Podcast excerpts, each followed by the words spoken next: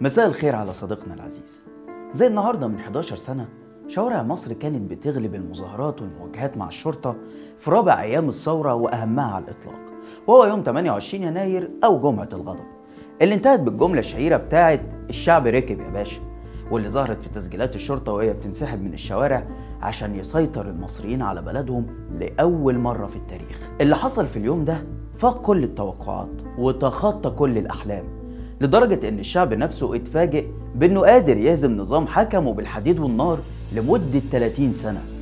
النظام اللي عايش ملايين المواطنين على مبدأ المشي جنب الحيط وعيش نملة تاكل سكر. انهار في ساعات قليلة وبقوا الجلادين بيجروا في الشوارع لا مؤاخذة يعني بملابسهم الداخلية عشان يستخبوا من ضحاياهم اللي ظلموهم وعذبوهم ورعبوهم على مدار سنين. يا ترى إيه اللي حصل يوم 28 يناير 2011 وازاي الشعب كسر كل حواجز الخوف وقدر يهزم واحد من أقوى أجهزة القمع في العالم كله. ده اللي هنعرفه في حلقة النهارده. أنا عبد الرحمن عمر وده برنامج الحكاية. أهلا بيكم. الحقيقة إن يوم 28 يناير ده نقدر نقول إنه أهم يوم في تاريخ الثورة بل من أهم أيام مصر كلها في القرن الأخير. اليوم ده اللي انهار فيه الجهاز اللي كان ماسك البلد بقبضه من حديد ولولا الانهيار ده ما كانتش الثورة اتقدمت. لكن برضه ما نقدرش نغفل التراكمات اللي وصلتنا ليه والتاريخ الطويل من النضال في كل شبر في مصر. من إضرابات العمال في المصانع والشركات لمظاهرات كفاية اللي رفضت التوريث لانتفاضة 6 إبريل في المحلة لنواب المعارضة والبرلمان الموازي اللي قال عليهم مبارك خليهم يتسلوا. وقبلها طبعا مدونات الشباب على الإنترنت اللي نشرت قضايا التعذيب وخرجتها للنور. وغيرها كتير من الأحداث اللي وصلت الناس لحالة الغضب في 25 يناير. عشان تطالب في البداية بإقالة حبيب العدلي ووقف سياسة التعذيب قبل ما تتحول سريعا لثورة شعبية شاملة. بس يا ترى اشمعنى الناس انتفضت ضد الداخلية في البداية؟ رغم إنهم كانوا رافعين مطالب متنوعة زي التوظيف ووقف الخصخصة ومحاربة الفساد وكانوا بيعبروا كمان عن حلمهم بدولة توفر للناس العيش والحرية والعدل ويكون اللي بيحكمها من الشعب وشغال عند الشعب. كل اللي عاش في الوقت ده فاكر كويس إزاي الداخلية إيدها كانت شديدة على المصريين وده لأنها كانت أداة مبارك في حماية نظامه وتمرير مشروع التوريث. الجيش وقتها كان عنده مشاريعه الاقتصادية ومصالحه السياسية اللي رافضة الحكم المدني بس كل ده ما كانش ظاهر للناس. الداخلية بقى هي اللي كانت في الوش لدرجة إن تسليحها زاد عن تسليح الجيش لأول مرة في تاريخ مصر وعدد ضباطها كمان زاد من 100 ألف في السبعينات لمليون ونص وقت الثورة.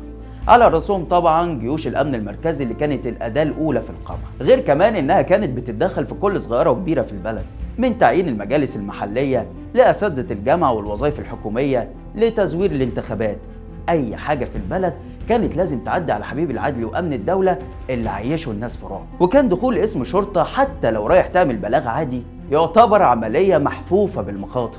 ووارد جدا تلاقي نفسك طالع في فيديو والظباط بيتسلوا عليك بالضرب والإهانة. وده لأن الظباط نفسهم كانوا هم اللي بيصوروا فيديوهات التعذيب ويتداولوها بينهم على سبيل الفخر. ومن بجاحتهم غيروا حتى شعار الوزارة من الشرطة في خدمة الشعب للشرطة والشعب في خدمة الوطن. البشوات مش قابلين إنهم يخدموا الشعب. ومش كده وبس. الداخلية كمان ربت على إيدها عصابات من البلطجية وكانت بتلعب معاهم دايما لعبة القط والفار. فتقدر تقول إنك كنت قدام عصابة كبيرة مثبتة الناس بقوة السلاح. اللي بدل ما يكون موجه لتنفيذ القانون كان موجه لتخويف المواطنين. وده اللي كان بيتعلمه صغار الضباط في كلية الشرطة إنهم الأسياد وإن أفراد الشعب هم العبيد اللي لازم يفضلوا طول الوقت تحت السيطرة. كل دي أسباب وأكتر كمان خلت ثورة الناس وانفجارها موجهين للشرطة في المقام الأول اللي الكل كان عارف إن سقوطها معناه سقوط النظام. وده اللي حصل يوم 28 يناير اللي بدأ بحالة ترقب من الطرفين.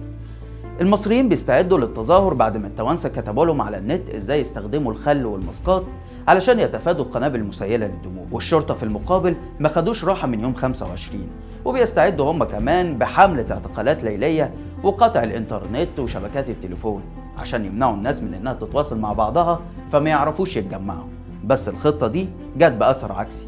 لأن الناس كلها تقريبا كان عندها فضول تنزل الشارع تشوف بنفسها إيه اللي حصل. ومع انتهاء صلاة الجمعة خرج المارد من الأم وطلع طوفان بشري من المصريين غير مسبوق في التاريخ.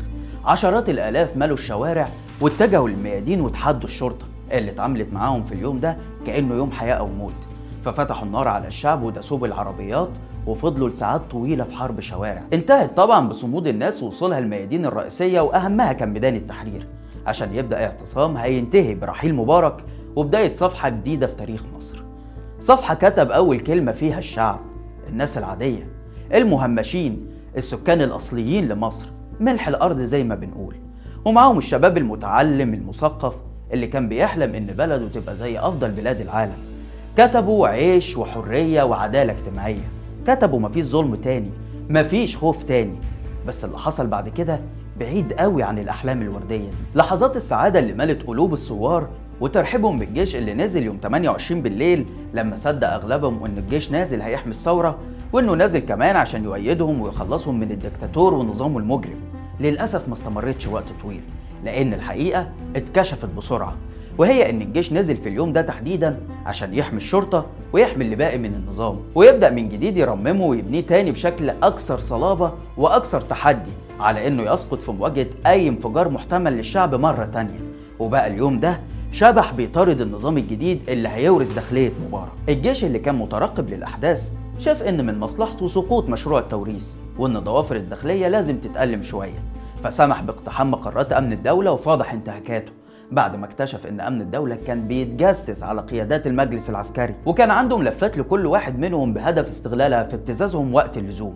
وده اللي السيسي نفسه قاله لصحفيين وإعلاميين بعد كده. فريق السيسي وقتها وهو مدير آه، للمخابرات الحربية أطلعنا أطلعنا على آه، نص تسجيلات الشرطة الشرطة حبيب العدلي يعني كان بيسجل للقادة العسكريين آه، وده اللي كان يؤلم جدا أعضاء المجلس العسكري. بس مع زيادة المطالبات بإعادة هيكلة الداخلية عشان تبقى مؤسسة غير مسيسة وتكتفي بإنها تقوم بدورها في حفظ القانون ظهر الوش الحقيقي للجيش اللي بدأ يستحوذ ويسيطر على كل السلطة ورجع الداخلية تاني عشان تشتغل كأداة لحماية نظام السيسي الجديد اللي هيعمل إجراءات كتير كل هدفها هو تجنب تكرار اللي حصل في 2011 حتى لو استدعى ده إننا نبني عاصمه جديدة بعيدة عن الشعب ونروح نحكمه من هناك. 28 يناير نجحت لما الشعب بكل أطيافه التف حوالين هدف واحد وقدروا يتحدوا مع بعض ويتجاوزوا كل الخلافات اللي بينهم. ووقفوا صف واحد قدام الدكتاتور وعساكره في اللحظة دي نجحوا فرضوا إرادتهم وامتلكوا بلدهم لأول مرة. بس لما اتفرقوا بعدها وبدأ كل واحد يدور على مكاسبه اختفت الروح دي وتعرضت الثورة لانتكاسة لسه بندفع ثمنها لحد دلوقتي. سردية الثورة بدأت تتغير بسرعة بعد وصول السيسي للسلطة. وبدأنا نسمع إنها كانت مؤامرة خارجية وإن حماس والإخوان هم اللي قتلوا المتظاهرين. وخرج حبيب العدلي ورجالته في مهرجان البراءة للجميع بعد ما خدوا التحية العسكرية وقعدوا كمان في سجون خمس نجوم. ورجعت الهيبة تاني للشرطة اللي قال لهم السيسي بوضوح كده إن خلاص زمن المحاسبة اللي كان بعد الثورة ده انتهى. يعني من الآخر رجعت ريما لعادتها القديمة. ورجعنا نشوف حوادث التعذيب في السجون والإقسام. وآخرها اللي نشرته صحيفة الجارديان البريطانية لتعذيب سجناء جنائيين في اسم أول السلام. واللي ظهروا وهم متعلقين عريانين في باب حديد. غير بقى حوادث قتل المواطنين على إيد ضباط الشرطة واللي أغلبهم بعد ما يتم إدانتهم في المحكمة بنتفاجئ بأسمائهم طالعه في العفو الرئاسي. وده يدل على إن السيسي فعلا بيوفي بوعده مع الضباط. لما قال لهم إن لو الظابط أحمد مثلا ضرب رصاص ولا مطاطي وجا في عين متظاهر ولا قتله مش هيتحاسب خلاص.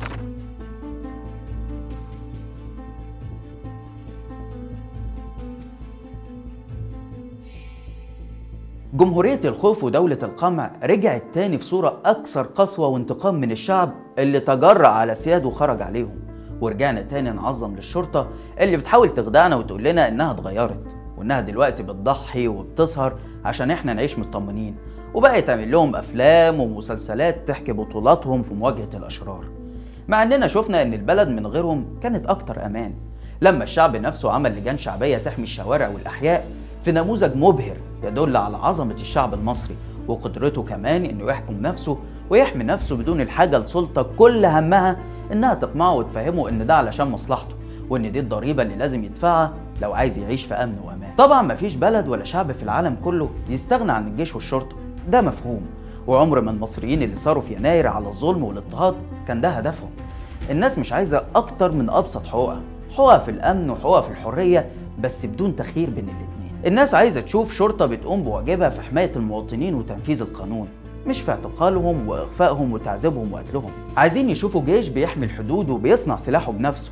مش من أكتر الجيوش اللي بتستورد أسلحة ولا جيش بيحكم شعبه بالحديد والنار ولا جيش مسيطر على الاقتصاد ومحتكر أغلب الأسواق لمصلحة عدد قليل من اللواءات اللي بيتعاملوا مع البلد كأنها ملكية خاصة. عشان كده وأكتر كمان مهما عدت السنين وايا كان الواقع هتفضل ثورة يناير حلم كل المصريين في العيش والحرية والكرامة وهتفضل لعنة تطارد كل حاكم ديكتاتوري بيقمع شعبه ومفكر إن الظلم ملوش نهاية. لحد هنا وحلقتنا خلصت. ما تنساش إنك تقدر تسمع برنامجنا بودكاست من الروابط اللي هتلاقيها في التعليقات وكمان اعمل لنا like و share واشترك في القناة على اليوتيوب. واستنانا كل يوم جمعة الساعة 9 بالليل بتوقيت القاهرة في حلقة جديدة من برنامج إيه الحكاية؟ سلام.